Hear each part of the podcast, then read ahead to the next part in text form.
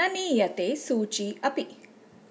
लाहोरनगरे पूर्वं दुलीचन्दः नाम कोट्यधिपतिः धनिकः निवसति स्म। स्वस्य धनिकत्वस्य विषये महान् गर्वः तस्य। तस्य सम्पत्तिः विंशतिकोटिमिता आसीत्। एतत् द्योतयितुं सः स्वस्य गृहस्य पुरतः विंशतिं पताकाः उड्डाययति स्म कदाचित् तेन श्रुतं यत् गुरुनानकः लाहोरनगरम् आगत्य धर्मशालायां कस्याञ्चित् वसति इति। दुलीचन्दः तस्य दर्शनार्थं गतवान्। तस्य पुरतः सुवर्णमुद्राग्रन्थिं कञ्चित् संस्थाप्य सः अवदत् गुरुवर्य का अन्या सेवा मया करणीया? आदेष्टव्यः अहम् इति। गुरुनानकः दर्शनमात्रेण एव अवगतवान् यत् एतस्य धनमदः अधिकः अस्ति इति। अतः सः एकां सूचीम् आनाय्य तस्मै दत्त्वा अवदत् अग्रिमे जन्मनि एतत् प्रत्यर्पणीयं भवता इति। दुलीचन्दः तां सूचीं गुरुप्रसादं भावयन् स्वगृहं प्रत्यागतवान्।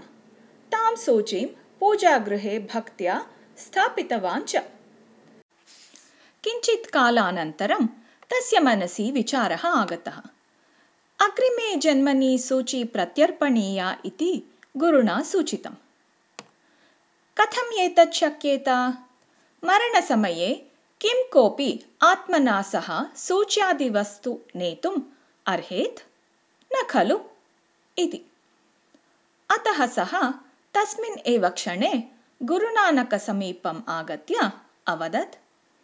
किञ्चित् कालात् पूर्वं भवता मह्यम् एकां सूचीं दत्त्वा उक्तमासीत् यत् एषा अग्रिमे जन्मनि प्रत्यर्पणीया इति।